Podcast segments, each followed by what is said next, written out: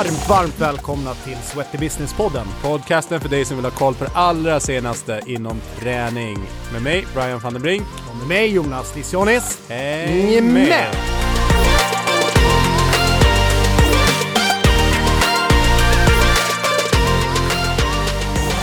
Så, då är vi live i studion och eh, välkomnar Anders Gran från eh, Tweak. Välkommen! Eh, dagens, eh, som sagt, vi, den här säsongen så kommer vi ha ett givet tema i varje avsnitt och eh, varför inte prata digitalisering med Mr Digitalisering him själv. Och jag tror att du kanske kan beskriva er produkt och tjänst lite bättre än vad jag kan. Så att bara en kort intro till vad, vad ni gör i bolaget. Ja men kort sagt kan man säga att vi, eh, vi tar tränare online och ser till att fler människor i världen kan ha tränarledd träning. Och att vi hela tiden kopplar en affärsmodell på det. Det är väl kort. Yes, men eh, för att lära känna dig lite bättre och alla har kanske inte full koll på, på vad du håller på med så Jonas, kicka igång det med några inledande Absolut, och innan vi gör det, kicka igång, så måste jag ändå bara tacka för eh, alla frågor som har kommit in också. Ett jäkla tryck på frågor, både mm, live-kommentarerna på Instagram, Facebook, eh, vänner, kollegor i branschen som har haft eh, massa frågor och tankar inför det här avsnittet och även podden i stort. Så det vill vi lyfta på hatten lite Brian, eller hur? Absolut, Ja. det är superkul. Det blir ju bättre innehåll ju fler frågor och interaktioner vi får. Skapar vi en podd och liksom innehåll på Sweaty Business som ni tycker är intressant. Ja, Nej, men vi drar igång då så vi lär känna er lite grann innan vi grottar in i huvudämnet här. Fullständigt namn. Mina föräldrar var ju supergenerösa så jag heter Anders Johan Mikael Hornsten Gran. Ja, det var ju supergeneröst. Mm, Under en period hette jag Anders Häxa Johan Mikael Hornsten Gran. Mina bröder lurade i mig att jag hette Häxa också så jag svarade i telefon. Ja. Men det har jag släppt eh, med tiden. Var var du uppväxt någonstans? Eslöv. Ett par mil norr om Malmö. Ja, De flesta känner väl till Eslöv tänker jag. Ja, det är Johan Glans och du då? Ja det är vi. Ja, härligt. Vad är det, pingis eller? Jajamän. Yes. Och damhandbollen var vi ju stora på. Ja, stämmer. Härligt. Har du hållit på med någon idrott själv? Ja, väldigt många. Jag tillhör ju den här eh, kategorin människor som håller på med väldigt mycket saker och slutar med dem Mm. i regel. Ehm, inklusive träning då. Men, eh, ja, men lite tennis spelar de mindre, spelar padel nu för tiden. Uh, innebandy en gång i veckan och lite så här liksom. Men aldrig på avancerad nivå på någonting Nej. kan man säga. Fan Brian, underbart här. Jag har också gått all in på paddel. Det är fan det roligaste. Vi poddat lite grann innan här och, och Brian frågar mig vad jag pysslar med nu på fritiden och som träning och jag har äntligen hittat en sport jag längtar till att träna. Känner du likadant eller? Ja men verkligen, jag, jag blev så förvånad över den för det känns också så sjukt förutsägbart att vara så här eh, snart medelålders och spela padel med grabbarna liksom. Men det är eh, fantastiskt roligt och eh, tillgängligt. ju. Ja, men jag håller med dig. Det är nästan lite så här golfbanan goes inomhus. Eh, helt enig. Eh, kring träning så, har du någon egen filosofi? Någonting du liksom verkligen tror på? Bygger och liksom, ja, hur tänker du där? Ja men jag tror, jag har aldrig varit duktig på, eh, fram till ganska nyligen så hade jag haft fler antal gymkort än vi hade varit på gymmet i antal tillfällen kan man säga. Liksom. För, ja, men har man haft friskvårdsbidrag under många år och så, här, så är det lätt man skaffar gymkort och så ligger det bara där. Så för mig har det nu handlat mycket om att jag försöker komma till gymmet en gång i veckan. Det är en sån väldigt, alltså, och det är ju på tok för lite egentligen. Men jag försöker hålla det och sen eh, att ta alla chanser jag får Mm. till att göra saker jag tycker är kul. Ofta är bollsport och sånt här tycker jag är ganska kul. Mm. Så att innebandyn oftast på måndagar och sen padel så ofta vi får ihop det liksom. Men filosofin är egentligen att se till att försöka få det gjort och sen Mm. får man hitta alla små knep för det. Eh, Jag tror väldigt många känner igen sig i det där att man har mer gymkort än besök ibland. Och det är väl klassiskt när jag jobbar med, jag tror du känner igen det också Brian där och, och du också när man har jobbat med, med träningsanläggningar. Så man är på någon fest eller liknande, hur många gånger har man inte hört att Jonas, jag är er bästa kund. Och då vet man exakt vad de ska säga. Ja, vadå då? Säger man liksom. Eh, och, ja, jag tränar inte, jag bara betalar. Och jag bara säger, du är vår sämsta kund. Du får inget resultat och snart kommer du sluta betala. Ju, du är en värdelös kund. Så jag tror hög igenkänning där måste jag säga. Ja, Jag måste säga att jag är ändå ganska bra för det var under många år jag faktiskt fortsatte betala. Så jag, var ju, jag fick ju mitt guldkort på den stora kedjan till sist. Eh, eh, bara genom att vara prenumerant. Men jag håller med, det är ju vi tittar ju supermycket på, mm. i och med medgrundaren Johan kommer från gymindustrin mm. också, så vi tittar ju supermycket på både fallgropar och med saker man har gjort rätt genom åren. Mm. Eh, men också att inte hamna i den fållan att man får vad ska man säga, tomma kunder. Mm. För de vet ju att det tickar en klocka på en tom kund. Liksom. Ja, verkligen. Eh, och digitalt har man inte riktigt råd med det. Nej. Du, vad, annars då? Vad, har du något som gör dig riktigt förbannad generellt sett sådär?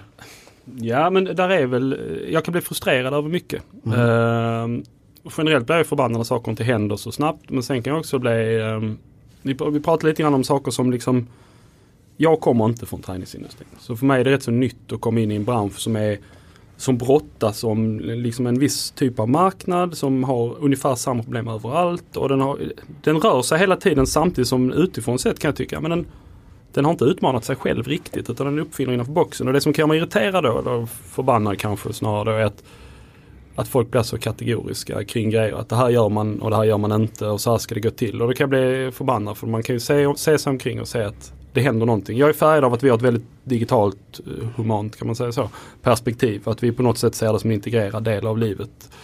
Och, ehm, och då kan jag bli riktigt förbannad när man på något sätt hamnar i situationen att man behöver försvara att man introducerar digitala kanaler år 2019. Mm. Um, men annars kan jag bli lite förbannad på mänskligheten i stort om man nu får vara, passa på när man har ett med att, uh, inklusive mig själv liksom, att man, uh, man vet vad man behöver göra för att må bra. Alltså har man läst Anders Hansen så kan man räkna ut att hälften av ens huvudbry hade försvunnit om man hade varit ute och sprungit en runda.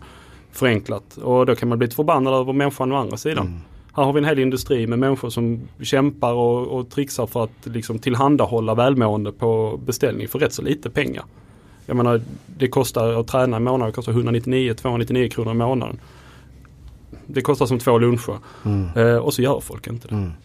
Och um, hur mycket ska vi behöva göra för att folk ska börja träna egentligen? Mm. Och så kan jag bli förbannad av det. Mm. Så jag är förbannad på alla som är våra kunder. ja vad härligt. härligt. Men just för vad hittar du liksom eh, återhämtning eller inspiration då? Eh, kraft? Eh, ja men jag, jag går igång på, på att hjälpa. Som person är jag nu mycket så här att jag vill lösa problem och lägga lite pussel och så här. Så att när vi ser, om det kommer en tränare till oss och säger att det här funkade. Det är en sån kraftkälla.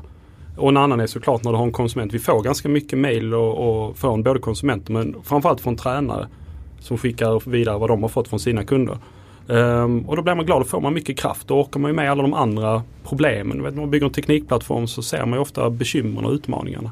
Uh, men mycket kommer när vi får ett tack från någon som har gått ner i vikt eller någon som inte kunde röra sig tidigare. Eller vi får från folk som har börjat träna ihop med familjen till exempel. Mm. Uh, och det är väldigt tacksamt mm. uh, att se. Häftigt. Slutligen där då. Eh, om du får 10 miljoner i handen idag, vad gör du? Alltså jag hade ju helst velat ha en utvecklare till för vi har så otroligt mycket grejer vi vill fortsätta göra. Eh, men egentligen hade jag ju lagt det på att rekrytera ännu fler supercoacher och hjälpa dem ännu mer med att nå ut till ännu fler. Så att rent, nu tänker jag ju lite startup-världen mm. också. Jag tänker finansiering. Vad hade jag gjort om jag får 10 miljoner i mm. handen då? Ja, men jag hade gasat på med marknadsföring. Mm. Jag hade gasat på och sett till att varenda tränare i världen mm. fanns på Tweak. Härligt. Um, helt enkelt. Grymt, tack!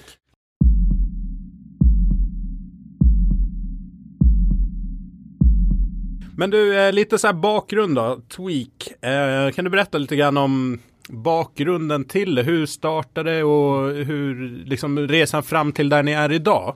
Mm. Ja men det, absolut och det har väl aldrig varit en helt rak resa. Johan som jag med grundade med, han sprang på en kille från techvärlden. Och då var Johan drev gym och var väldigt aktiv inom det. Då stövlade in en man som frågade varför 17 digitaliserar ni inte detta? Men då var detta tror jag 2012 kanske de började prata om detta. Och det var rätt så tidigt. Mm. Eh, supertidigt. Och de gick och pratade om detta ett tag och sen började jag träffa dem och så började vi prata lite om borde man inte göra någonting av detta. Och då tror jag någonstans vår utgångspunkt var att vi ska bygga det digitala wellnesscentret. Och alla som har varit inne på ett wellnesscenter vet att det är ju rätt så brett vad man håller på med. Det är gymträning, det är personlig träning, det är gruppträning, det är företagsfriskvård det är, och allt det där skulle vi göra. Och sen har det varit en rätt så lång resa av nedtrattning kan man säga. Där man kommer fram till att nej vi ska inte leverera företagsfriskvård i egen regi. Nej, vi ska inte, vara, vi ska inte leverera träningen i vår regi och så vidare. Och jobba framåt successivt. Mm. Liksom till att vara där vi är idag. Att, nej, men vi ser till att göra det lätt för tränare och gym att digitalisera tränardelen av sin verksamhet om man säger. Som ett komplement till den riktiga. Vi ser till att det finns företagstjänster. För vi vet att ja, men, företags, ett gym har fler företagskunder än vad vi ska jaga in. Och så vidare och så vidare. Men den resan har liksom handlat mycket om att våga experimentera. Uh, och våga ha fel ibland. Mm. Uh, och tro stenhårt varje gång man är inne i en iteration på att det här är vägen framåt. Uh, och bli lite bättre på det. Du, utveckling och liksom nitar på vägen. Har du någon någon sån uh, grej, grej, grej höll jag på att säga. Har du någon sån grej som du kan dela med dig av liksom som uh, ja, men, en fail uh, oh. eller ett misslyckande som antagande som gick snett? Ja men anta antagande är det väl nog ett par hypoteser. Jag menar, vi, vi hade ju mycket hypoteser kring vår första affärsmodell. Det handlar ju mycket om att man prenumererade på oss och sen gav vi tränare baserat på mycket deras eh, innehåll användes. Som Spotify funkar då. Om mm. vi betalar 99 spänn till Spotify så får Brian Adams en stor del av mina pengar och de andra får dela på de andra små grejerna. Och eh, vi hade samma modell fast med väldigt lite volym. Vilket mm. innebar att när tränare var inne och såg liksom hur många som varit inne på deras grejer så tänkte jag herre jäklar. De har liksom halva foten inne på Porsche Center och ska beställa. Sen får de reda på att det är 12 kronor du kan fakturera oss för att eh, de har använt det här programmet ännu mer. Och det var en annan tränare.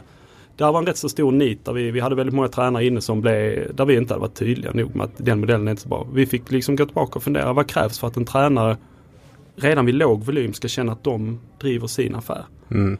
Och då gjorde vi om affärsmodellen rätt så mycket så att idag till exempel tränare kan, de egentligen har en egen, rekryterar Brian in folk så betalar de via oss till dig så att säga. Men du delar inte den intäkten med någon annan än oss. Så det var en sån lärdom. Sen har vi också när vi gjorde, jobbade direkt mot företag har vi gjort massa sådana Vi har ju alltid legat Vi utvecklar hela tiden tjänsten så vi har alltid legat rätt så offensivt. Och jag vet någon gång vi körde företagsmaning på ett företag. Um, så att det var ett helt företag som använde Tweak och vi hade kopplat på någon av våra tränare och ja, men var, folk var rätt så exalterade över hela idén. Och så vet jag någonstans vi höll på att utveckla pushnotiser samtidigt lite grann och göra om dem. Och sen ballade det ur så jag tror de skickade, när deras chefer fick tag i oss, då hade de hållit på i 5-7 minuter och skickat pushnotis och e-mail eh, en gång i minuten till alla anställda liksom om igen med något, något helt ointressant. Liksom. Så, eh, så att där fanns ju Ja, det var egentligen mest en fail faktiskt. Vi lärde oss lite om att vissa funktioner ska vi nu testa tre gånger innan vi släpper det. Liksom. Mm. Men det var ju modigt i alla fall. Men du, ni har gjort eh, också, det är ju vanligt inom techvärlden också att man uh, fusionerar och köper upp. Så mm. ni köpte upp ShapeLink som jag förstår. De var jag i kontakt med en gång, när, eller en gång, flera gånger när jag var på på Sats. Uh, men vad, mm, vadan det uppköpet, liksom, vad, vad erbjöd det som inte ni hade då? Ja, men jag tycker det är en väldigt bra fråga. för att ShapeLink är deras teknikstack, alltså deras teknikbas. Är en väldigt viktig del i, i, vi, och, i oss. Och, um, en anledning att vi valde att slå ihop oss påsarna med dem. Liksom, det var just det jag pratade om att vår gamla affärsmodell byggde på ett rätt så basic format. En gång om dagen fick du en utmaning från vår, den tränaren du följde. Liksom, om man säger. Samtidigt såg vi att de hade ett fantastiskt eh, rikt format. Du kunde chatta med tränaren. Det fanns eh, koppling till sociala grupper. Det fanns otroligt mycket att plocka av. Samtidigt stod de inför utmaningen att paketeringen runt det var rätt så lös kan man säga. Vad var tjänsten de tillhandahöll? Hur funkade Vad var affärsmodellerna och liknande? Där vi, hade vi ju tänkt väldigt mycket men vi saknade den andra delen. Så på något sätt var det rätt så mycket match made in heaven. Så vi eh, slog ihop med dem och vi har ju fortfarande kvar deras kontor här uppe i Stockholm och eh, alla anställda, mm. eller båda anställda från Shapling hängde med över och är idag en rätt så viktig del i vårt team. Liksom. Um. Yes. Jag, jag har ganska bra koll på er ur ett kund-tränarperspektiv. Men i min roll handlar det också om i vardagen så ibland att hjälpa eh, gym med affärsutveckling. Mm. Och det kan vara en grupp av tränare, ett gym eller en, en, en kedja. Mm. Ur det perspektivet, hur skulle man kunna hitta, hur skulle jag som om jag driver en träningsanläggning exempelvis. Mm. Om jag skulle kontakta er, vad, vad är USPen där? Hur skulle jag som gymägare av en eller flera anläggningar kunna hitta en nyttja tweak? Mm. Och vi har ganska många gym som använder oss idag och den modellen bygger egentligen på en uppskruvad variant av eh, tränargrejen. Där finns ett antal specifika funktioner där vi har tittat på Gymmen har lite andra utmaningar. De har ofta en följarskara, alltså medlemsskaran. Eh, det är inte nödvändigtvis så att de börja sälja saker till dem. det har vi märkt att det tar lite mer tid för gym generellt. De vill ofta erbjuda det här. Men det, det de gör är att de precis som en tränare sätter upp en kanal i appen. Sätter gymmen upp en kanal som kanske är dold för icke-medlemmar. Men medlemmarna får access och där ligger gymintroduktionen ligger där. De sköter PT-hanteringen där. Och i, till den här kanalen kan de ju koppla alla sina tränare. Så där har vi ett antal stora och större friskisföreningar som har det. Och, Eh, ja, och Endorfin ute i, på västkusten kör och det finns många rätt så fina klubbar som kör detta. Och så integrerar vi med bokningssystemet. Som du har bokat gruppträning dyker det upp i din träningsdagbok att du har tränat det och du får statistiken runt det. Så vi lindar oss lite runt dem också. Vårt syfte är ju att göra det enkelt för tränare och coacher lite oavsett vilken kontext de befinner sig i. Och såklart att då sy ihop det så mycket som möjligt för att göra det enkelt um, för dem. Spännande. Du, jag är jäkligt sugen på liksom vad som gör att vissa lyckas eh, med sådana här satsningar. Dels ur gymperspektiv men också enskilda tränare och, och liknande. Vi har ju liksom mega exempel som Keila som tjänar liksom miljardbelopp. Ja men, men ner till vanliga liksom PT som du nämnde här som kanske tjänar 20 000 vid sidan av allt annat som de gör. Men innan dess, digitalisering generellt är ju liksom ett sånt ord och det blir gärna en jättestor grej för att man kanske tänker att oh, nu ska allt i verksamheten bli digitalt och det blir jättejobbigt och det finns massa olika vägar att gå och man vet inte ens var man ska börja någonstans. Digitalisering för dig, vad är liksom, vad tänker du att, ja. att det är i 1.0 versionen? Ja men jag, det finns ju det finns en 1.0 och en 2.0 och en 3.0 mm. i min värld. Och 1.0 för mig det är ju den som jag tror de flesta har gjort den idag. Det är när dina permar och dina kalkylark, de blir digitala. De flesta har bokföringen hyfsat digitalt idag. Du har medlemsregistren digitalt. Du har, administrationen är digitaliserad. Mm. Detta skedde 90-tal, början på 2000-tal. Gymvärlden vet inte exakt när det hände men det hade hänt i alla fall när jag började titta på den. Eh, sen kommer andra vågen och den är intressant för den är den som hände ofantligt mycket för 7-8 år sedan i, i de flesta andra industrier. Och det är ju e-handel egentligen. Man tittar på att man tar nuvarande produkt och man börjar sälja den digitalt. Uh, ehm, PT online ligger någonstans mitt emellan kan jag säga mellan 2.0 och 3.0. Men man kan titta på att H&M börjar sälja sina kläder online. Mm. Det är mm. samma kläder som tidigare men det distribueras annorlunda och det tas betalt lite annorlunda men det är samma. Sen kommer den tredje vågen som jag tycker är fantastiskt intressant. Det är när du börjar laborera med saker som bara går att göra digitalt.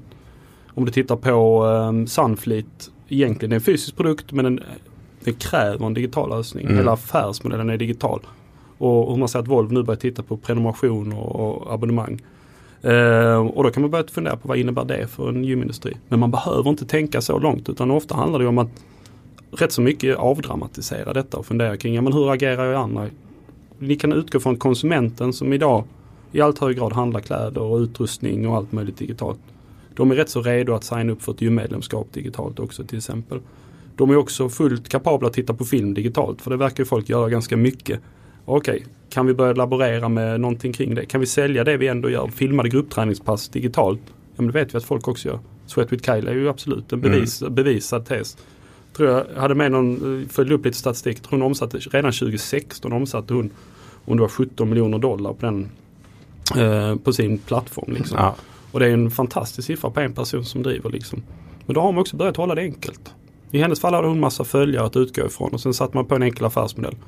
Ja, har du inte massa följare, då får man ju börja jobba med andra värden. Um, men att hela tiden tänka på vilket problem är det jag ska lösa. Och sen tror jag också många behöver avdramatisera det här med digitalisering. För att rent krast så de flesta tränare är redan rätt så digitala. Använder du Facebook och skickar sms så är du halvvägs där. Mm. Det är inte mer avancerat än så egentligen. Uh, däremot så är det att väldigt många löser löser det lite stolpigt idag. Att man skickar ut träningsupplägg på ett sätt och sen ska man ha medlemmarna på, eller kunderna i någon grupp på Facebook och så ska du kolla att den har betalt där och den har gjort detta. Och så skickar du en pdf och så sitter kunden och använder Freeletics och undrar vad i hela fridens namn får en pdf för. uh, och när ska jag titta på den? Och jag tror det finns liksom en uh, uh, det finns en stor möjlighet mm. att hjälpa folk men det krävs också en liten attitydförändring hos vissa. Där ser vi de som lyckas nu är de som antingen avdramatiserar det eller dramatiserade och kavla upp ärmarna. Mm. För det är egentligen de två. Men jag tror, om jag får sticka in det, jag tror det finns fortfarande extremt mycket att göra. Alltså även på 1.0. Jag är ute och jobbar väldigt mycket med träningsanläggningar. Och bara 1.0 när jag hjälper personliga tränare att utvecklas handlar ju bara om att dokumentera sina kunders progression. Mm. Och jag skulle säga, jag skulle nästan vilja säga att det är knappt ett dugg bättre än för fem år sedan. Var och varannan Peter på golvet går runt utan att dokumentera alls. Hur fan ska man ha koll på kundernas framsteg eller bakslag eller mood generellt? Eh, väldigt många liksom är kvar i papper och penna. Eh, vilket också är livsfarligt där peten går in, man kanske slutar eller flyttar, ta med sig all kundinformation. Det är ju gymmet eller träningsanläggningen eller föreningen eller laget som är, äger egentligen informationen. Så jag tror det finns fortfarande rent professionellt sett om vi kollar den individuella träning som jag jobbar med fantastiskt mycket fortfarande att göra. Eh, vilket jag tycker är ett, ett viktigt steg ni jobbar med mot att ta det mer professionellt. Eh, så det, mm. Nej ja. men jag håller med och jag tror träningsbranschen också, för ibland när vi diskuterar träningsbranschen för mig så är typ Kayla som i princip bara finns digitalt. Sen gör hon ju events och man kan träffa henne fysiskt men det är väldigt exklusivt så. Mm. Eh, att vi har spannet ifrån 1.0 till 3.0 men många snöar in sig på så här träningsanläggningar. Att det är liksom träningsbranschen. Men träningsbranschen är ju så ofantligt mycket större också ja. utanför gymvärlden och egentligen det där det växer mest. Ja, och ja, den tror jag är, för mig som kommer utifrån då, så är det ju det mest slående av alltihop. Att det finns ett riktigt blodigt krig som pågår om 6% av marknaden. Mm. mm. Och så är det lite så att de där 94 procenten som man inte riktigt, eller egentligen slåss man om, om 10% för att 10% har gymkort kanske då, eller 20% men av dem går hälften på gymmen ungefär. Mm. Och de slåss man om. Och de brottas man med och försöker liksom se vem som ska stjäla om man ska äga kunden. Menar, om man ska komma ihåg någonting nu från digitalisering så är ingen äger en kund 2019. Du förtjänar kunden varje dag, varje vecka och, och så vidare. Man förtjänar kunden. Och allt annat kommer att vara kortsiktiga affärer. Men där tycker jag är fantastiskt intressant att se om man kommer in i gymvärlden att vissa gym ser ju detta här. Vi håller på att prata med en rätt så stor kedja nu, kommer att släppa en hyfsad nyhet om det ganska snart. Um, men de redan där pratar om att ja, men vi, de har ju mest anläggningar såklart. Samtidigt så vet de redan nu att anläggningar är en komponent i detta här. Mm. Och samma sekund som du tänker den tanken att vår fina anläggning i all sin glans och hur bra den är. Det är en komponent i detta här. Då börjar du tänka rätt. För då är det så, världen, träningen pågår någon annanstans. Städerna bygger utegym. Vem tar hand om min innebandy som jag spelar på måndagarna?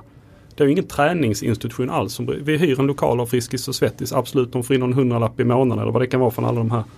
Det finns ju potential för någon att hjälpa mig med den. Men ingen ser riktigt den för folk är fokuserade på sin anläggning och sin lilla business. Och där är internet fantastiskt för att den kan ju titta och hjälpa mig med allting. Mm. Och då, men då kräver det också att man som tränare men ännu mer kanske som anläggningsansvarig eller som och driva gymkedja. Att våga tänka på att tänk om fysiska lokalen inte är grejen i, att, i det. Utan att det är en komponent. Mm. Precis som Ikea. De behöver sina butiker. Men det går att omsätta några miljarder på det andra också.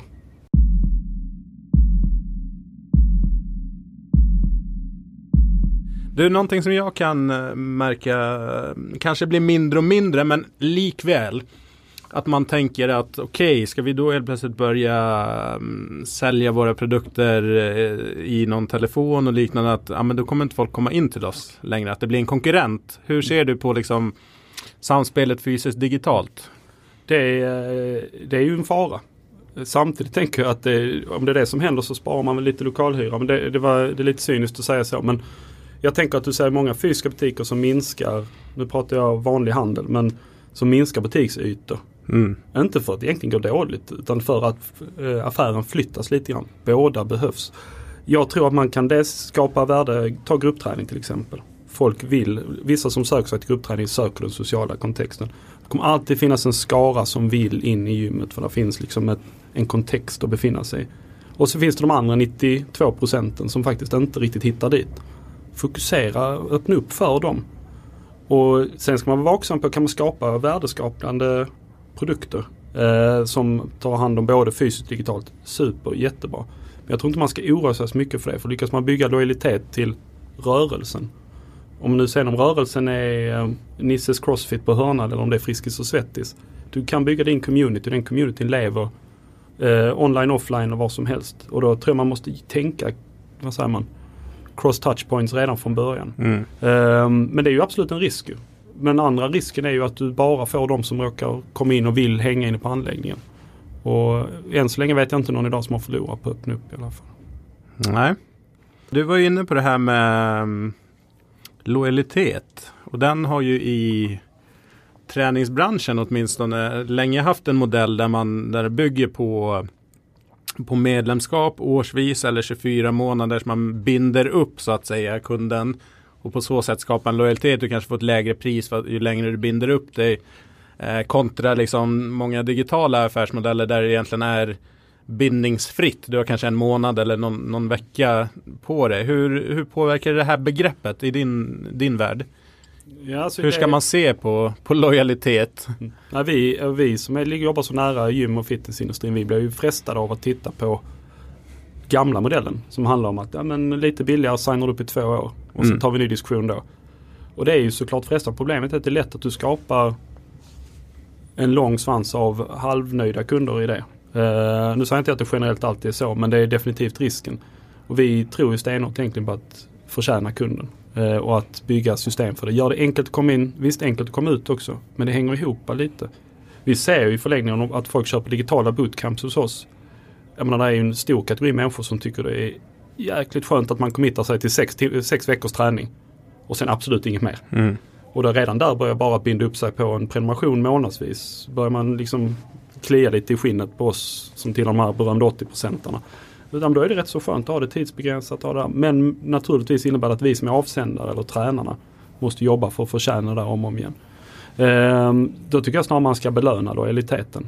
Hitta sätt att poängsätta lojalitet, eh, skapa rewardsystem, skapa, skapa en klubb i klubben. Och har man, har man en prenumeration och det finns en social kontext Alltså om Facebook nu, nu har Facebook sagt att man aldrig ska ta betalt. Men om de plötsligt skulle säga att ja, men jag vill ta 29 spänn i månaden och 49 spänn i månaden. Ja men de hade väl konverterat kanske 70% av sin användargrupp. Mm. Det hade ju räckt rätt så långt om de hade velat det.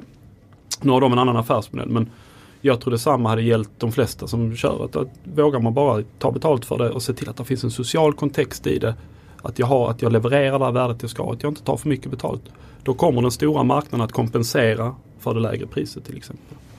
Men jag tycker det är superbra input och jag tycker Jonas den du tog upp där kring middagsbordssamtalet att jag är din bästa kund för att jag aldrig kommer. Det, det ligger ju en viss sanning i det hävdar jag ändå att mm. branschen har varit ganska nöjd för att rent krast om alla medlemmar hade tränat många gånger i veckan så hade det blivit kaos på gymmen för att det är redan att gå nu i liksom september och sen kommer du tillbaka i januari, februari och går på kvällstid efter fem så är det ju kaos och då är det ju inte så att alla medlemmarna på gymmet är där just där och då. Så att någonstans så bygger ju också den modellen på att faktiskt inte alla tränar hela tiden och det är ganska nice att ha en svans utav inaktiva medlemmar som egentligen bara tickar pengar. Även om det inte är uttalat så är det ändå en det är en bra affär, alltså det är en fördelaktig affärsmodell för den som, den som äger kunden så att säga på det, det en, sättet. Det är som en lång crowdfunding-kampanj eller sponsorkampanj. Liksom. Du har ett gäng sponsorer och så har du ett gäng som tränar. Liksom. Och jag, jag tror att det, det är nog frestande att hamna där.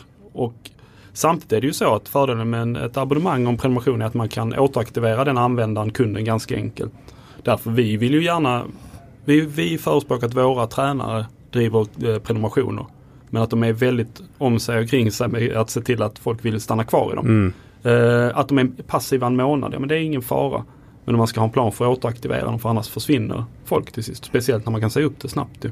Och där tror jag, bara om jag spår lite i glaskulan, om vi tittar till alla andra industrier så har introduktionen av e-handel och digitala affärsmodeller har konkurrensutsatt den traditionella industrin. Och det kommer att innebära samma sak för fitnessindustrin. Vilket innebär att något gym kommer att lansera bindningsfritt eller fokusera mer på det till exempel. Och släppa det fritt. Och de kommer då att plocka andelar på det, jag är helt säker. Mm. Um, nu händer det redan idag lite grann men jag tror det är som man kommer gå ifrån de här långa bindningstiderna. Det kom...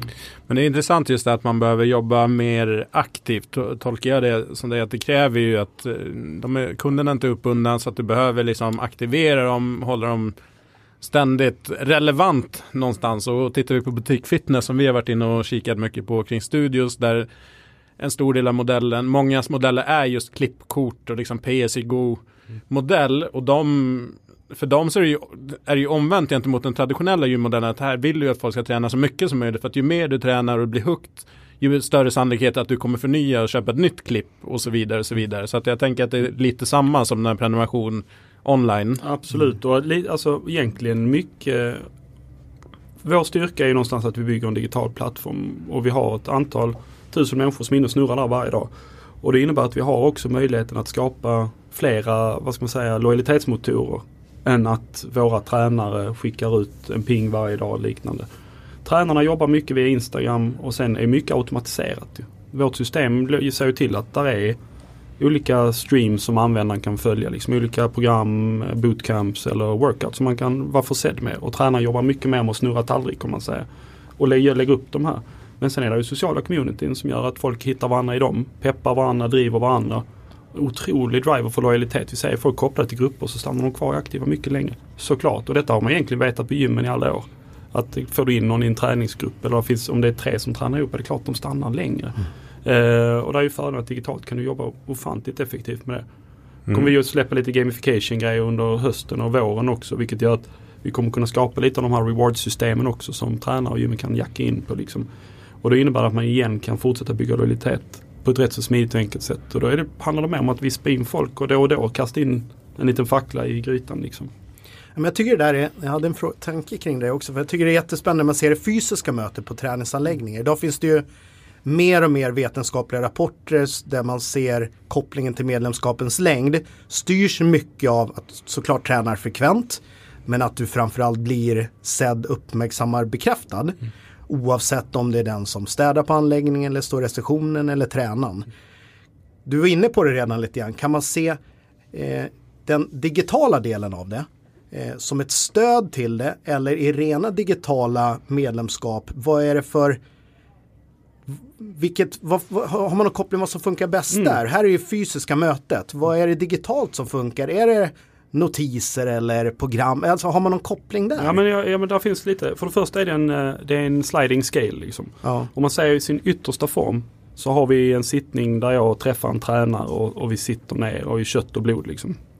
Och i sin i rakt i andra änden så har du Tänk Freeletics. Någon har spelat in ett fett träningsprogram och jag använder det. De är i varsin ände av mm. skalan. Sen kan man röra sig nästan hur som helst där. Det vi ser är att om du ska vår grundtanke är på något sätt att mobilisera folk. Om vi tittar visionen för Tweak, den stora fina visionen är ju att ja, men folk ska leva till sin fulla potential. Så. Det är enkelt, det är bombastiskt och lite volviskt. Men det är så vi ska göra. Och då är det tre faktorer som gör att folk bryter dåliga beteenden och, och upprätthåller gamla. Det ena är såklart instruktion och inspiration och där är ju människor superviktiga. People follow people och det är en av grundteserna vi har hur mycket vi än automatiserar och jobbar igenom, då vill vi att det ska lukta, smaka, tränare, eh, människa, anläggning. För vi vet att det bygger liksom någonstans en lojalitet, en känsla av att accountability. Om inte jag utför detta träningspass då kommer min tränare att säga att jag inte gjort det. Eller mina kompisar i träningsgruppen. Så att inspiration och instruktion, jag måste ha rätt instruktion. Och instruktion i sig är ju rätt så lätt idag att hitta. Om jag, om jag vill hitta hur jag gör en biceps curl så googlar jag det så hittar jag det. Det är inte det som är grejen. Mm. Men det är kombination med inspiration att det är rätt människa. Och det är väldigt subjektivt vad som är rätt människa som ligger bakom det. Andra är eh, alltså social kontext, grupptryck och grupppull. Pressure och pull liksom. Att mina kompisar, att jag får en kontext runt mig som hjälper till att se mig, höra mig och, och peppa mig. Och den tredje grejen är sense of progress. Att känna att ja, men jag var här men nu är jag här. Och om jag halkar tillbaka så kan jag ta mig dit igen. Och det blir statistik och sånt superviktigt. Så vi jobbar med de tre benen hela tiden. Mm. Och i och med vi inte är obegränsat med folk och vi inte har fått de där 10 miljonerna än så innebär att mm. vi inte vi gör inte allt på en gång men vi snurrar med dem. Mm. Och tittar man på vad som funkar, ja men vi gjorde ett rätt så intressant experiment när vi drog igång en gång i tiden. Så vår första MVP var egentligen att Johan satt ner och snackade med mig i en kvart och frågade, men Anders vad brukar du träna och vad vill du uppnå? Och lite sånt, ja men grundläggande behovsanalys liksom. Sen eh, skickade han en grej om dagen via sms till mig i sju dagar bara för att vi skulle testa det enklaste formatet. Kan han få mig att ändra någonting? Och det funkar ju. Och då började vi bygga ett system som skickade en grej om dagen i text. Liksom. Då upptäckte vi att ja, men 15% ungefär fullföljde ett fem veckors program.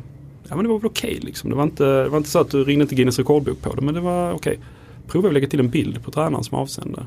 Ja okej, okay, 25% Och sen la vi dem lite på hyllan. Vi märkte att vi har rätt mycket att göra med de här grejerna. Vi behöver få rätt på den här dialogen med coachen. Vi måste göra det mycket mer mänskligt kom vi tillbaka till samma program. Vi har jobbat med en tränare och utvärderat samma program i olika faser. Och vi långt över 90% fullföljde när vi la till möjligheter för mig att ställa frågor till tränaren. Mm. Och plötsligt märkte vi att den accountabilityn ökade. När vi la till socialgrupp och, fråga, och fråga coachen. Eh, så gick vi från 25 till 90% fullföljande grad mm. på, eh, på samma så här, gå ner i vikt på en viss tid. Liksom, den här tränaren har kört under många gånger. Och för oss är det lite den, det är den skalan man får titta på. Vi vet att du kan följa ett helt, helautomatiserat program. Men det kommer vara en lägre andel som, då är det hyfsat egen motivation. När du drar igång ett bootcamp som har ett givet startdatum, som har en tränare, även om allt är samma, det är samma sekvens, samma programmering om man säger. Så är det fortfarande känslan av att ha en tränare på Facebook eller Instagram säger tränaren nu på måndag drar vi igång. Och den rörelsebiten driver otroligt mycket, triggar massa punkter i människor. Mm. Och um, Sen finns det alla varianter däremellan. Vi har folk som har fysiska anläggningar. Där jag kommer in en gång i månaden, eh, träffar tränaren, gör en uppföljning och sen allt annat sker i appen däremellan. Den modellen funkar absolut strålande liksom. Eh, har man digitaliserat sig då? Ja men det är klart man har. Mm. Det, det handlar inte om att vi ska ta bort människorna. Det är fortfarande människorna. För det första är det för människor vi lever, andra människor i regel. Och det är också det som triggar människor allra mest. Eh, sen är det inte alla som behöver det för att hålla sin träning levande. Mm. Jag kan tänka mig att ni som är mer aktiva än mig i träningsbranschen är ofta mer självgående som människor. Då tar man ofta in det för kunskapens skull. Om man tar Johan skulle egentligen varit här medgrundare för han han är en sån som eh, beställer stackträningsupplägg. Du vet när folk mäter millimeter hur mycket du kan böja saker och sånt där. Mm. För mig som är en sån här 80% det är inte där jag börjar. För mig börjar det att någon ska få mig att ta den där extra promenaden Ja. eller göra 20 armhävningar. Det är Mm. sjukt oavancerad träning som behövs för att förändra mitt liv. Men i hans fall är det ju nere på det här att ja, men han vill fixa den här vaden och då behöver han göra den här övningen eh, i åtta veckor. Alltså Mm. det, det är olika, det måste man förstå att vissa människor är i en instruktionsfas, vissa är i en inspirationsfas. Och någonstans runt 90% av svenska befolkningen befinner sig snarare i inspirationsgrejen. De ska inte få dåliga instruktioner, de måste få jättebra instruktioner. Deras problem är inte om de gör rätt form på diamantarmhävningen. Mm. Utan deras är nog att ja, men pröva göra en på knäna. Ja.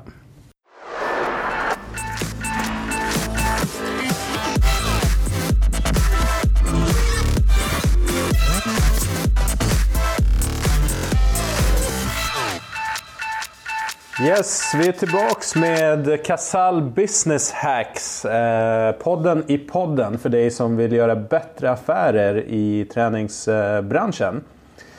Med mig har jag Stuart Lascelles, försäljningschef på Casall Matrix. Välkommen! Tack så mycket. Du, eh, utrustning, det är ju i mångt och mycket det ni, ni gör eh, på Casall Professional. Jajamän. Vilken utrustning ska jag välja? Ja, eh, bra fråga. Det, är, eh, det finns mycket att välja mellan kan man säga idag. Eh, verkligen. Eh, vi, jag tror det är, det är viktigt att välja rätt utrustning såklart som anpassar till den målgrupp och den koncept som ni vill skapa. Ehm, så där, där är det väldigt, viktigt att ta en dialog, en diskussion med din leverantör eh, och partner. Um, tänk igenom trenderna um, på marknaden och ha en som sagt anpassning till just vad ni vill skapa. Um, det känns väldigt viktigt. Mm. Så utgår från målgruppen och konceptet som vi känner igen från första business hacken Ja. eh, vi hade. Men du, du prat, sa lite där kring trender. Kan du säga någon, eh, någon eller någonting som du ser att det här är populärt i, idag? Ja, eh, absolut. Där, där är det just nu i alla fall väldigt många anläggningar som väljer att skapa mer av ett lite mer frihet inom sina ytor där. Um, till exempel mycket mer öppna ytor. Um, inte så mycket maskinparker. Ehm, um, maskinerna är viktigt till en viss målgrupp men inte till alla. Um, så jag tror folk nu vill skapa lite mer upplevelse. Eh, lite mer av en öppet yta som sagt kunna träna med funktionell träning till exempel. Mm. känns eh, ganska populär just nu med Absolut. våra kunder. Det håller jag med om. Du, eh, kan du säga någonting om, om vart du tror det kommer gå i framtiden? Om vi är här idag där vi halvt lämnar maskinparksgymmen till liksom en hybrid mellan maskinpark och funktionellt och kanske övervikt till och med till öppna ytor och funktionellt på vissa anläggningar. Men vad tror du nästa steg i den här evolutionen kommer vara? Ja, eh, också en bra fråga. Där, där är vi, ser vi i alla fall en, en möjlighet nu att skapa upplevelse.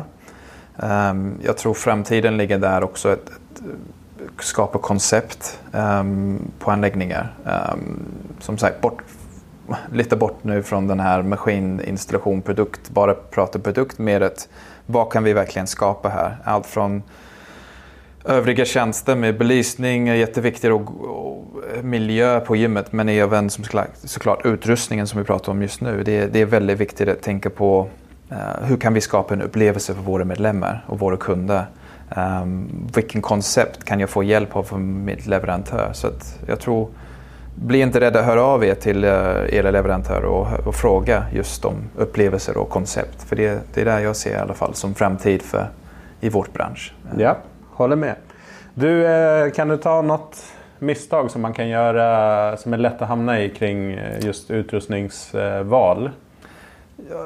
Ja, det kan jag göra. Jag tycker att ibland är vi väldigt snabba med vår beslutsprocess. Um, ta den tid den tar, för det är en väldigt viktig fråga och väldigt viktig investering som folk gör i sin verksamhet. Så att, um, testa gärna, prova, klämma, känna. Um, begär om ett eh, upplevelse själv så att ni verkligen ser i verkligheten hur, vad det är som ni tar in till era anläggningar. Um, och då borde ni kunna få den från era leverantörer. Så att, gärna ha inte så bråttom. Testa och prova och verkligen vara helt säkert innan ni, ni tar ett beslut. Mm. Och ta hjälp av expertisen. Eh, och ni hittar ju Stuart och gänget på Casal Professional på deras eh, hemsida. Och där kan ni inspireras av vilken utrustning som finns. Stort tack Stuart! Tack så mycket! Tack.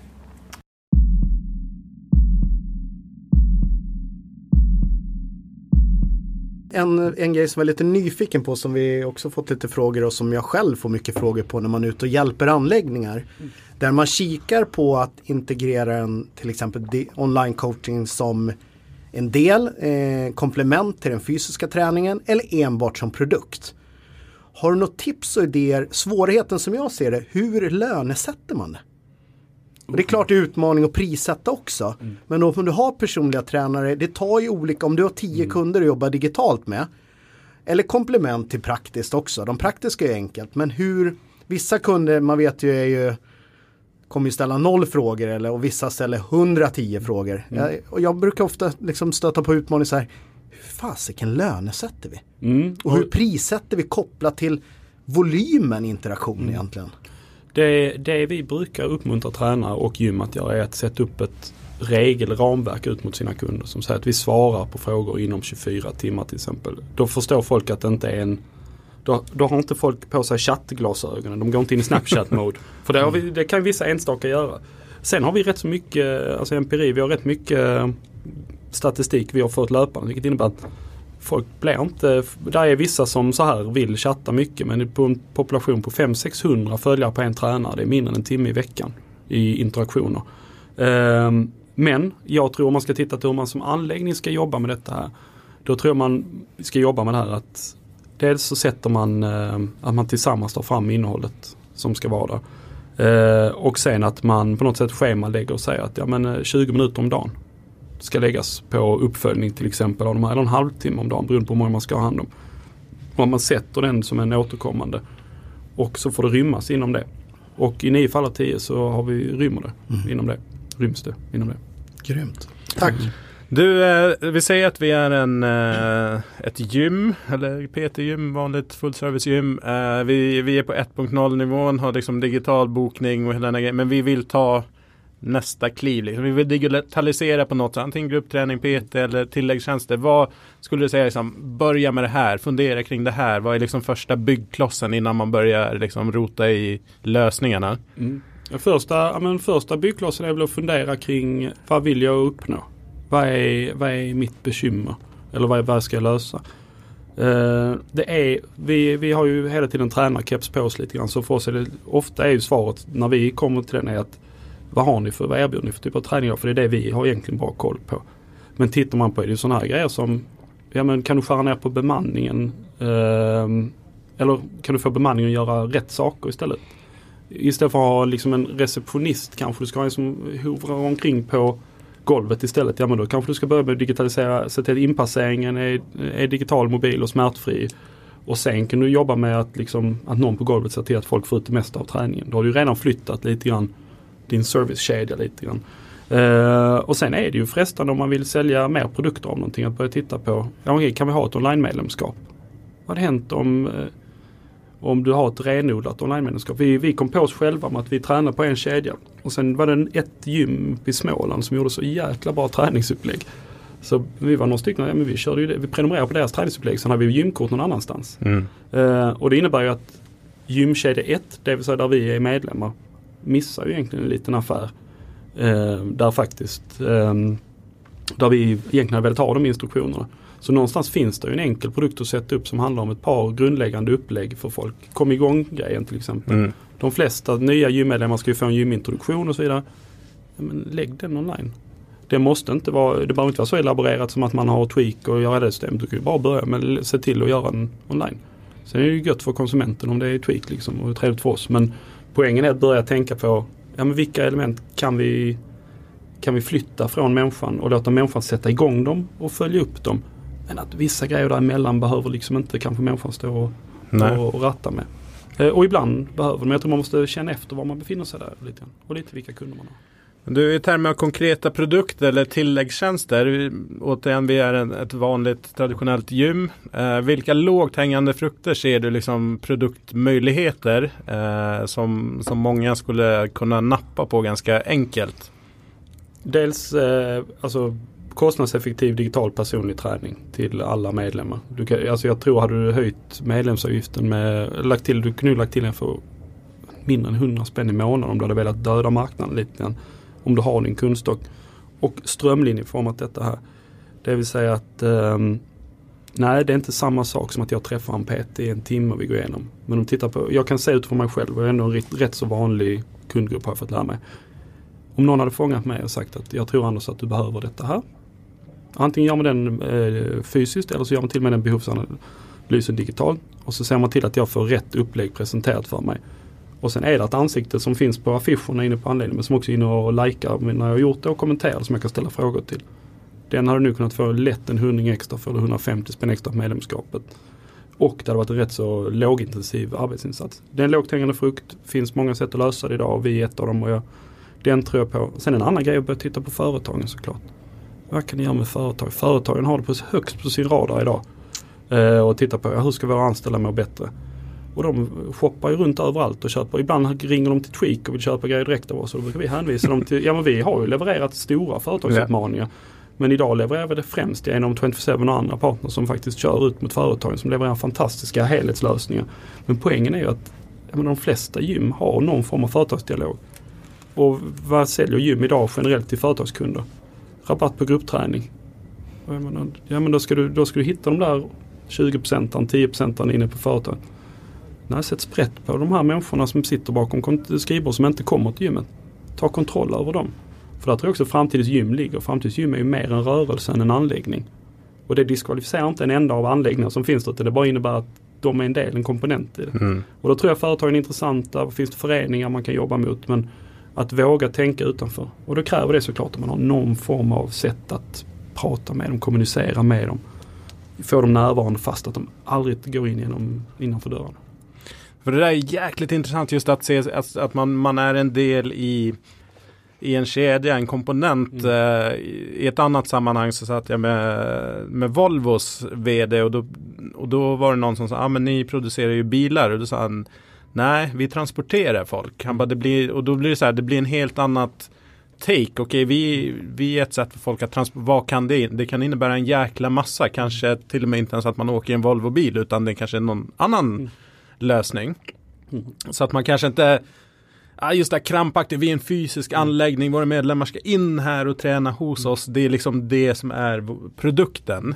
Eh, Den tror jag blir svårare i, i framtiden, alltså ju längre det går. Då ska det vara extremt unik för att kunna leva bara på den delen. Jag tror det är helt rätt. Jag tror man måste bli syftesdriven. Eh, Låter klyschigt men lite som Volvo. Så, ja, men de, eh, de säger till att folk kan flytta sig från A till B och, utan att skada sig är väl egentligen.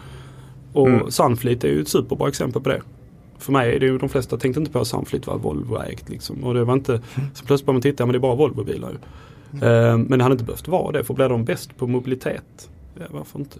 Eh, och någonstans tror jag det är att att våga liksom titta på de här delarna och tänka var 17, var 17 kan vi ha nytta och våga fundera vad är vårt syfte? Ja, om vårt syfte är att folk ska må bättre genom fysisk aktivitet till exempel. Det kan ju vara ett hyfsat avgränsat syfte. Ja, ja, men då har du redan där börjat säga att eh, egentligen Friskis och Svettis gjorde detta rätt så tidigt. Mm. Anläggningen var en del, sen stod de ute på stranden och körde. Och rätt intressant att titta i efterhand. Liksom. Och sen kan man ju fundera, alltså Friskis digitalisering är rätt så lite spretig. Ja. Om man säger. Men vi jobbar till exempel med Jönköping och de är ju väldigt progressiva och tittar på hur de och vi jobbar med några anläggningar eller några föreningar till. Och det är intressant att se att de kommer ju av ett, ett tänk som är ofantligt mycket större än anläggningar. Absolut. Sen har anläggningarna under 90-talet, början på 2000-talet fick ju väldigt vad ska man säga, ja men det blev kyrkan. Mm. Men, men kyrkan idag är ju större än byggnaden kyrkan. Kyrkan är templet och kyrkan är rörelsen. Um, jag vet inte om det vad jag vill med den metaforen men jag tror det är lite det är samma grej man har. att Om man tänker att välmåendet måste bo på den här platsen. Sen får gärna välmåendet kulminera på den här platsen för det gör det för vissa människor. Ja. Och det ska det absolut få göra. Men det är minst lika viktigt att, att det sprids liksom på ställen där folk inte hittar. Och då är inte gymanläggning är inte lösningen. Um, det är ett superviktigt instrument. flika in där med massa spännande nya målgrupper som du säger. Men jag tänker också, jag vet inte om det är för att jag har mycket barn själv eller man jobbar mycket inom idrotten så. Men man ser ungdomssidan också. Man kan ju välja att tycka att det är klart vi sitter med telefonerna för mycket och så vidare. Men det är nog liksom verkligheten idag. Man kan ju också välja att jobba med den Mm. digitala utvecklingen. Jag ser ju som mina ungar som har gått all in på fotboll. Det finns ju jättebra idag fotbollsappar. Mm. Där de lär sig teknik. Eh, dribblingskonst. Det här massa olika saker som de liksom tog ju år att lära sig när jag växte upp och det var nyponmärket och man skulle bolla till sju. Det gör de ju för fan innan de är fem år idag. Och Men- tänk också om du hade kunnat, vi pratade faktiskt om det senast för en liten stund sedan i ett annat möte om, eh, om man tänker sig att man hade kunnat hjälpa tränare. Jag har ju själv då eh, varit, varit in och vänt vid träning och så, här, så skulle du träna nickträning med tre och ett halvt åringar, fyraåringar. Det är inte så lätt om man inte har gjort det men om man hade kunnat liksom standardisera det visar ju potential för oss att liksom finnas och verka där. Sen e-sport är en annan sån superstor grej. Om vi ska prata folkrörelse så är den helt enorm. Jag var nere, jag vet inte om ni känner till Prama, de här interaktiva eller Ja, golven. Vi var nere i Alicante och körde deras anläggning. För vi håller på och gör lite experiment inom e-sport. Och eh, vi hade med oss ett gäng e-sportare. Och det är, alltså, människor som vill är vana att träna fast inte det är vi är vana att träna. Vilket innebär att det är helt andra utmaningar. Gruppträningsformatet funkade fantastiskt bra för dem, det trodde man ju inte. Men eh, det funkar fantastiskt bra. Men däremot så en anläggning, de, precis som jag kanske innan före Tweak, man är inte bekväm när man kommer in på ett gym. Nu får jag generalisera mycket men jag känner igen mig så sjukt mycket i det. Nu har jag tvingats vänja mig för jag och Johan har gått och hängt på gym en massa. Men när folk kommer in och bara, ja okej så ska man stå där och så ska man vara Jaha, och så ska jag stå här och svettas med de här och mass, massa människor runt. Jag tror man glömmer det när man är inne i den här snurran. Man hänger med de här Verkligen. 6 procentarna. Och börjar man då titta på nya kundgrupper. Ja men vänta, det betyder inte att tränarens kunskap är fel. Det är bara kontexten runt den som inte stämmer längre. Alltså du behöver, en armhävning fortfarande en armhävning och de kan allt om vad människan behöver. Det enda man behöver är paketeringen runt det måste vara mycket mer inkluderande.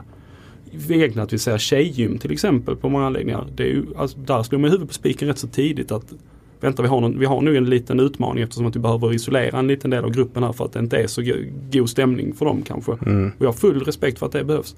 Men då kan man också börja tänka, applicera det tänket eh, på andra målgrupper. Säga, men hur, hur, hur jobbar man ytterligare med det då så att seniorer känner sig välkomna? Juniorer känner sig välkomna. Hur aktiverar vi barnen på ett tidigt stadium? Absolut att mobilen är tyvärr ett, ett liksom används väldigt mycket väldigt, och osunt mycket. Men det finns ju andra sätt att distribuera digitala saker och dra nytta av digital teknik utan att det innebär att barnen ska få det rakt i mobilen. Vissa grejer ska absolut komma rakt i mobilen men bara det här att tränare i hela världen skulle kunna få standardiserade bra fotbollsövningar som de sen kör fysiskt. Bara där har du ju gjort en kunskapsöverföring som kanske hade tagit generationer annars om vi ska slå på en stor trumma. Så innebär det plötsligt att ja, men alla, alla knattetränare i Sverige skulle kunna ha eh, SEF-träningsupplägg som är specialanpassade för barn. Kunskap som inte fanns tillgänglig när man var tvungen att åka upp och utbilda sig någonstans. Liksom. Så där, där är någon form av demokratisering och tillgängliggörande som, som inte be, måste innebära att barn sitter med appen och kör övningar.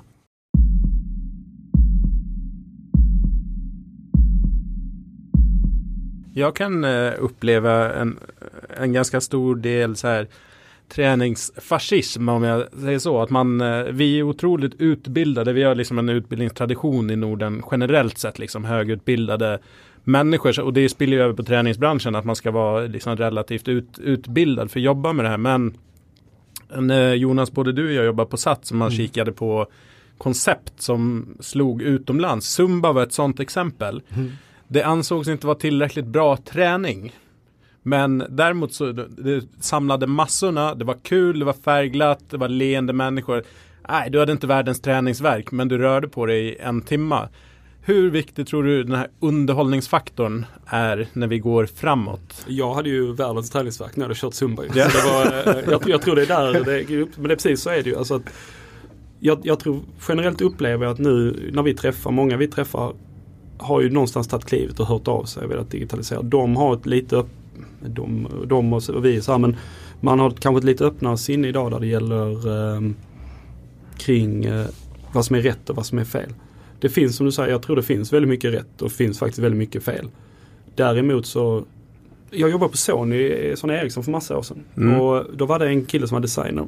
Och han sa, det fanns ju ett långt arv när vi slog ihop med Sony, eh, från Ericsson och Sony, att, eh, att kamera, Sony gjorde fantastiskt bra kameror. Det var en rätt så viktig grej med så här. Och då satt en designer som, som sa att den bästa kameran, det är den man har med sig.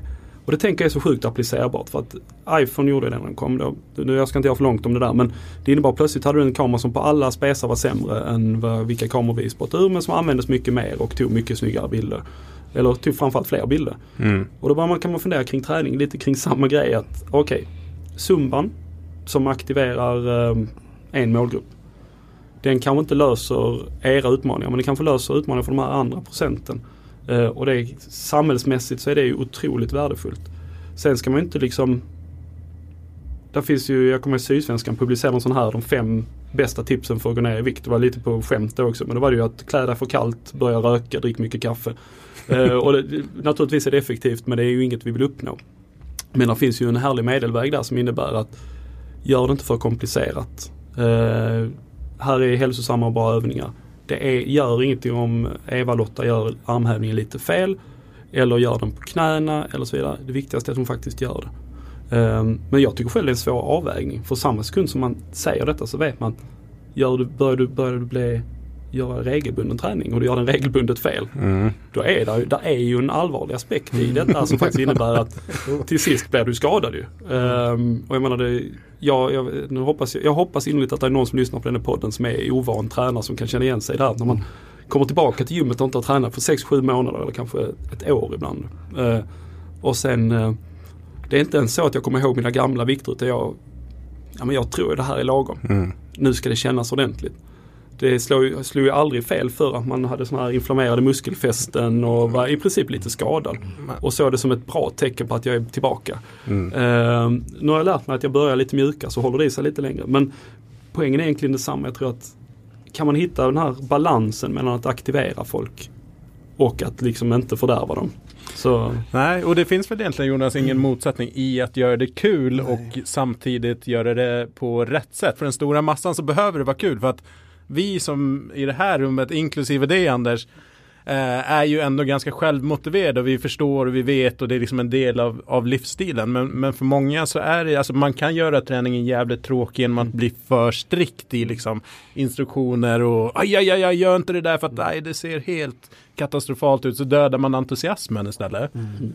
Men jag tror också en stor utmaning ofta är att vi överför ju vår egen träningsfilosofi på de potentiella kundernas träning eller nuläge eller vad de ska. Just Det är, man, glömmer, alltså man tänker ju ofta de här få procenten vi själva är som tränar hur mycket som helst och tycker det är ganska kul. Jag tror man, vi måste liksom börja de här du var inne på med företag, hitta de här låg tröskel, du ska inte ens behöva byta om. Alltså liksom, det är väl lite gamla floskel men hoppa och ha busshållplatsen innan. Som Anders Hansen och det som det. har tagit upp ganska mycket nu. Jag tror vi måste liksom tillbaks till det där enkla igen. Eh, Ja men jag vågar rikta kommunikation. Alltså samma människa kan ju kommunicera olika med olika målgrupper också lite grann.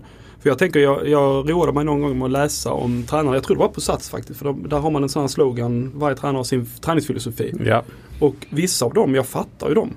Men för mig som då till, som inte var så här träningsvan, vissa av dem var ju lite skräckinjagande. Alltså här att träning är enkelt och det är, och det är så här bara, ja men fan, nej men det här är ju jobbigt och besvärligt och samtidigt förstå var det kommer ifrån. Och det tittar du på José Núñez och Moveo till exempel som kommer rakt från andra hållet som är väldigt glädjedrivet. Um, och um, då kan det vara väldigt attraktivt. Och, och jag tror man måste hitta vem är det man ska prata med. Och jag brukar använda Roffe nere i Skåne som min mamma tränar för. Då. Han, han är ju väldigt bra på det här att han använder hela tiden en retorik som är kring att det ska vara enkelt och tillgängligt och hellre göra något än att liksom Mm. göra väldigt mycket och göra 100% rätt ibland. Och så här, nu hoppas jag jag säger rätt Rolf. Men, eh, ehm, och det, det tilltalar vissa målgrupper.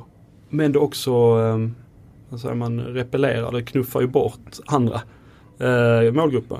Och det är väl någonting som är lite unikt med träningsvärlden när man kommer utifrån. Det är hur snabbt det blir polariserad och polemik av någonting. Mm. Mm. Jag, jag tror inte på det den tränaren gör, då är det kass. Eh, så här har jag lärt mig, då är det rätt. Eh, där finns inte så mycket det här att, ja, men kan inte det vara rätt i den kontexten? Kan inte det vara... I techvärlden är man ju ofta, man kan tycka liknande saker men man är kanske lite mer så här Ja, man kanske kan vara lite mer förståelse för att man har fel ibland än vad jag upplevt här. Att Mm. folk kan vara väldigt säkra på sitt format. Eh, eh, Yes. Mm. Du, jäkligt bra snack. Vi har en lyssnarfråga från Jon Wingård, en av våra eh, trognaste lyssnare och eh, frågeställare. Jättebra Jon. Han frågar så här, i kölvattnet av eh, Facebook och liksom datahanteringsskandaler, liksom att hela datafrågan eh, med tanke på att ni då också är digitalt, så att ni hanterar mycket kunddata, hur folk beter sig, vart de tränar, hur de tränar. Vad är liksom, är er affärsmodell att tjäna pengar på kundernas data i slutändan eller liksom vad är er take på hela den här frågan kring data? Jag tycker det är en bra fråga. Vi har fått eh, supermycket, alltså längs hela vår väg har vi hela tiden tänkt på vad är, det skapas fantastiskt värdefull data. Eh, och så måste man fundera vad är den, vad är den värdefull till? För att det är också så att en grej vi tidigt bestämde att den här datan det är användarens data. Då är innan GDPR, så när GDPR kommer och folk börjar muttra och sura, vad vi sa, det är jäkla härligt. Det är fint med GDPR av den anledningen att då, då fick, alltså vi, vi var redan där. Um, jag tror en viktig grej att tänka på med datan är att den data som skapas, den kommer användarna kunna dra nytta av på ett eller annat sätt. Nu vill vi bygga ett datasätt som gör att användarens träning kan bli optimerad. Vi har inte ens börjat skruva på de parametrarna men vet vi att någon har tränat paddel, innebandy och någonting till, ja, men låt oss se till att den användaren kan få rätt rekommendationer på träning baserat på detta. Låt dem hitta rätt grejer till det. Det är så långt vi går. Den andra grejen vi tittar på med data, det är en, också en rätt så okontroversiell grej. Anonym data kan vi plocka ut och förstå vilken typ av träning tränar folk. Hur, vad funkar bäst? När ska man få en påminnelse för att folk ska känna att det träffar dem bäst och så vidare. Det är egentligen där i de herrarna vi tittar på. För oss är data för det första är den inte så himla individuell den datan vi tittar på. Vi tittar mer på rörelsedelen. Alltså hur mycket rör, var rör sig folk och Mm. vad behöver, inte var fysiskt men vad gör de och vilka aktiviteter kan de komma att vara intresserade av och hur kan vi använda det för att rekommendera dem rätt innehåll. För vi vet att träffa rätt innehåll, rätt person så får de resultat. Ehm, sen tror jag det är en sån viktig grej att vara transparent med. Men det är återigen 2019 så du äger ju inte så där himla mycket data som Även om vi tekniskt sett äger datan så är det alltid individen har alltid rätt till den där. Mm. Och jag tycker det, är rätt så, det var rätt så befriande för du slapp Du slapp för det fråg, frågorna externt liksom så himla mycket från stakeholders som undrade om det fanns någon slug och bra datormodell man kunde använda. Och för oss, nej alltså vårt, vårt handlar om datan ska vi absolut ha nytta av men det är ju för att din data ska hjälpa dig att Mm. nå bättre resultat. Eh, datan för företag, om man till exempel rullar ut en företagsutmaning. Att anonymisera datan, de, inte någon enskild ansvarig, men att förstå till exempel hur mycket rör sig folk. Vad behöver vi göra insatser kring? Det är supervärdefullt för företagen. Men vi skulle aldrig gå det att vi börjar skicka ut individuell data till exempel. Utan där handlar det om att någonstans är det ett förtroendekapital man har som företag också. Mm.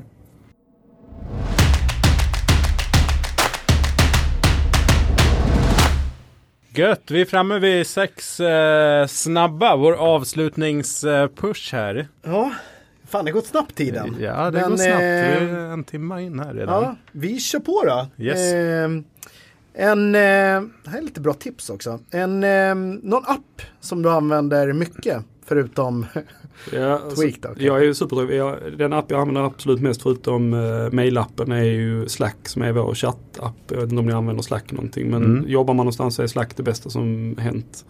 Um, tittar man annars så jag är ju glad för där, en, där jag jobbat tidigare utvecklade vi en app som heter Mood Notes. Den har inte blivit underhållen på några år så den kan se lite så här retro ut men den är rätt skön till att göra dagboksanteckningar och Okej. dagsform och humör lite grann. Uh, så en rätt så skön grej. Mhm. En podd som du lyssnar på eller bra bok som du har läst som du kan tipsa om? Sweaty Business-podden är ju den enda. Såklart. ja, jag lyssnar också på mycket på techpoddarna, alltså de här Breakit och Det är digital, lite av dem. Mm. Eh, när jag tränar faktiskt, sjukt otippat. Men jag lyssnar inte på uppåtmusik utan jag passar på att lyssna på sånt. Jag har svårt att ta till mig Alltså ta till mig budskapen när jag gör, tränar. Jag kan promenera och lyssna på podd mm. men träning, träning, alltså pulshöjande så det funkar inte med podd för mig alls. Ja det är nog rätt i och för sig. Och det, ja. Jag är exakt som du, jag lyssnar bara på poddar, ingen musik när jag tränar. Aha. Eh, ett projekt som har blivit, som du är lite extra stolt för? Som blivit kanske extra lyckat eller någonting? Ja, jag, alltså jag, hade, jag, jag tänkte lite på detta här och jag, alltså, bland projekt och så här så är det dels Jag tyckte det var jäkligt fett att vara med när, eh, när vi tidigare hållit på med liksom stora företag, lansera digitala produkter från dem. Men jag tror, för mig är nog Tweak har nog varit den här i perioder den som har fått vara de här. För att det är nog när man jobbar med något som har um, sån direkt inverkan på hur folk mår och lever och så här. Och det var lite nytt för mig för jag har alltid jobbat i techsektorn där det liksom ligger man kan, man kan göra nytta men man gör det på ett väldigt så här lite långsökt. Att ja, men mobiltelefoner får folk att kunna kommunicera med varandra och det kan ju bli jättebra.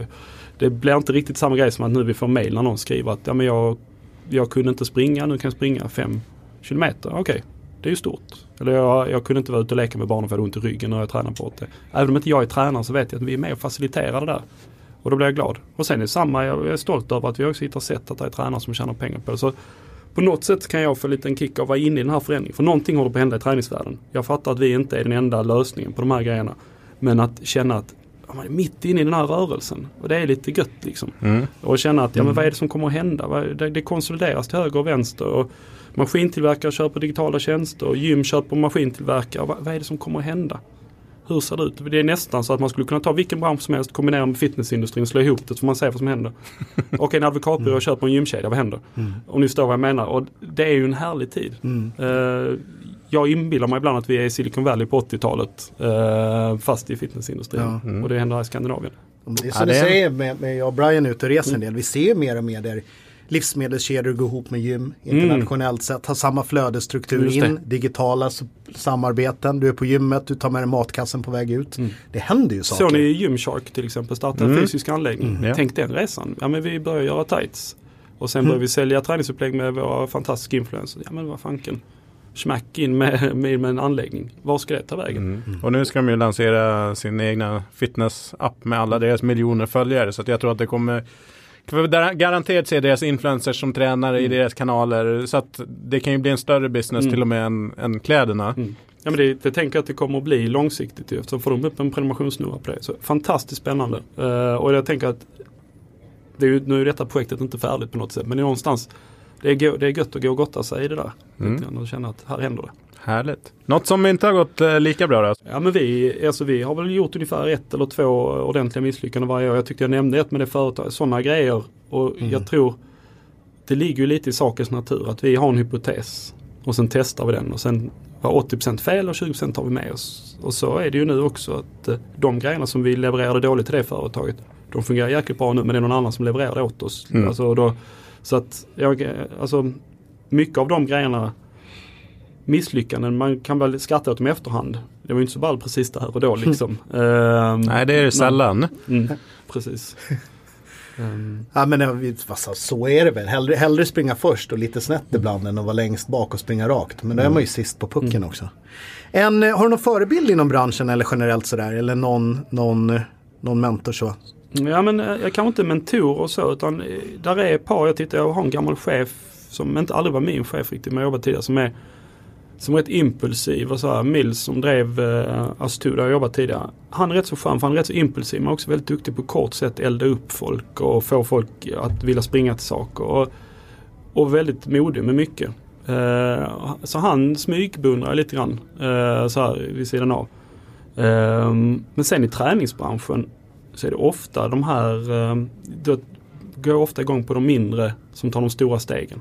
Mm. Uh, alltså enskilda tränare. Alltså jag, jag, jag, nämner honom ofta. Jag tycker Roffe i Helsingborg på Rolf Munke är fantastiskt rolig att följa. Han är 60, han kör sitt race som Peter, han experimenterar hela tiden. Och jag menar jag tittar på när mina föräldrar var i 60 så de experimenterar inte med någonting. Nu experimenterar min mamma med Roffes träning. Konstigt nog, nu möts de liksom. Men, i, men eh, just, eh, ja jag tycker han är en härlig inspiration. Mm. Uh, och med honom tänker jag att ja, men han började med den businessen när han var 57 kanske. Och då tänker jag det är, det är rätt gött. Verkligen. Har du någon trendspaning då? Något som du tror vi får se mer av eh, framåt? Jag tror om det ska nå en trendspaning så tror jag det vi touchar nu på slutet. Att vi kommer att börja se sjukt ovanliga kombinationer. Um, alltså om digitalisering är något som bara taktar på. Där kan vi följa lite vad hände med e-handeln av retail 2008 till 2015 ungefär. Den förflyttningen kommer i gym och fitnessindustrin. Har de kommande åren, det är jag helt 100% övertygad om. Men sen är det svårt att veta vem 17 äger eh, träningsindustrin. Vem ska driva den? Eh, gymmen har kört det nu under 20 år, 30 år kanske och varit någon driva. Influencers kom från någonstans. Men de har också en annan agenda. De, där kommer hända någonting på influencersidan nu de kommande åren också eftersom att det börjar komma lite sådana här krackelera lite grann när folk börjar prata om är det där riktiga följare? Hur mycket konverterar detta egentligen? Hur mycket ska man betala för ett inlägg? Okej, okay, någon kommer att stövla in. Vem är det som har mest pengar att vinna på att folk mår bra? De kommer att börja trycka sig in i industrin. Antingen genom existerande rörelser och tränare och så här, eller på egen hand. Och det blir spännande att se vad som händer där tror jag. Mm. Så trendspaningen, våga kombinera, slå tärningen och se vilket företag ni ska slå ihop med. Härligt. Grymt. Du som är inne i techvärlden, bara ett litet sidospår på trendspaning och jag tänker Alibaba Group borta i Kina. De har ju Health and Happiness som en sån här, inte mission men en del i liksom deras strategi. Eh, har du någon peeling på dem? sysslar med hur de hur en techjätte med liksom den volymen människor och det kapitalet. Det känns som att där har du ju en sån som skulle kunna knäcka någon slags kod. Ja, men det tror jag, jag tror, har man trafik och kapital så kan man göra väldigt mycket. Alltså jag, jag tänker du kan titta på de stora alltid, egentligen Amazon är ju samma grej också. Den här räck, räckvidden, kapitalet och massa touchpoints som kan Det viktiga som de kommer behöva göra är det ju så för att de måste fundera på vad är det hållbara transaktionen de ska satsa på. För är det någonting som gymmen har som är fint i alla fall att ju mer de säljer desto bättre mår folk generellt. I alla fall, det är grundhypotesen. Så är det nödvändigtvis inte på Alibaba så är det nödvändigtvis inte på Amazon. och där kommer en sån, om du har det som vision, okay, då kommer någonstans kommer de ju behöva bestämma sig. Är det det eller ska konsumtionen leda till detta här eller ska konsumtionen vara en del av det? Hur ser det ut? Och där tror jag det är en viktig, viktig grej att fundera på. För jag tror det är fler än de som är retailers som har ett, en högre ambition. Mm. Lite som Volvo egentligen. Om Volvo på riktigt ska bli det de vill bli, vilket de verkar inställda på, ja, men då måste de acceptera att sluta sälja bilar. Mm. Och det kan de göra, det är de på väg att göra på ett eller annat sätt också. De kan sälja färre bilar men få fler att använda dem, och tjäna pengar på något annat. Fine. Så att jag menar det är någonstans um, Ja. Mm. Ja, men bra, du vet två, två slutgrejer. Den första är om man vill komma i kontakt med det finns ju hur mycket som helst att prata om digitalisering. Ja. Det är liksom ämnet som är på tapeten. Om man vill komma i kontakt med dig Följa det du, mm. Tweak, gör. Vart mm. kan man göra det enklast? Tweak.me på Instagram är bra. Uh, man kan hitta mig på LinkedIn, Anders Gran som trädet. Och sen kan man mejla mig på andersnabela.tweak.me. Gör det. Och slutligen, vilken låt symboliserar dig? Ja, alltså jag... Eh, uh,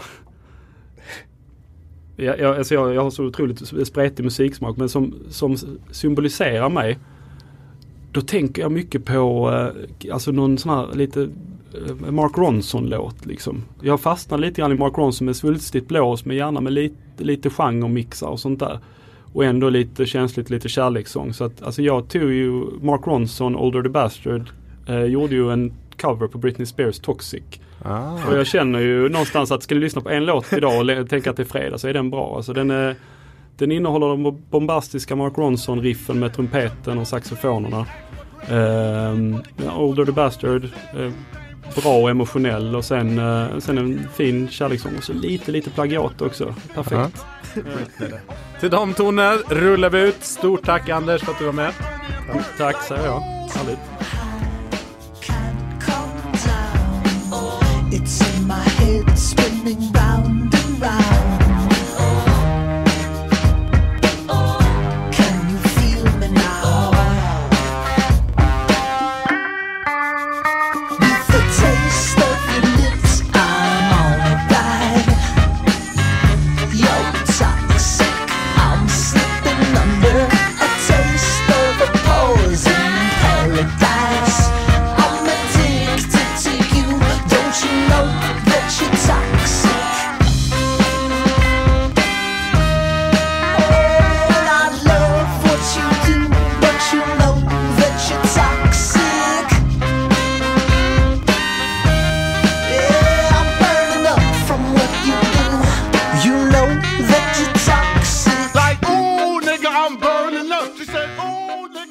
Stort tack för att du lyssnar på podden. Häng med i vardagen. Där får du dagliga uppdateringar på Facebook, Instagram och LinkedIn. Sweaty Business eller Sweaty Business Media. Har du frågor, tips och råd till oss så mejla jättegärna på podden at sweatybusiness.se.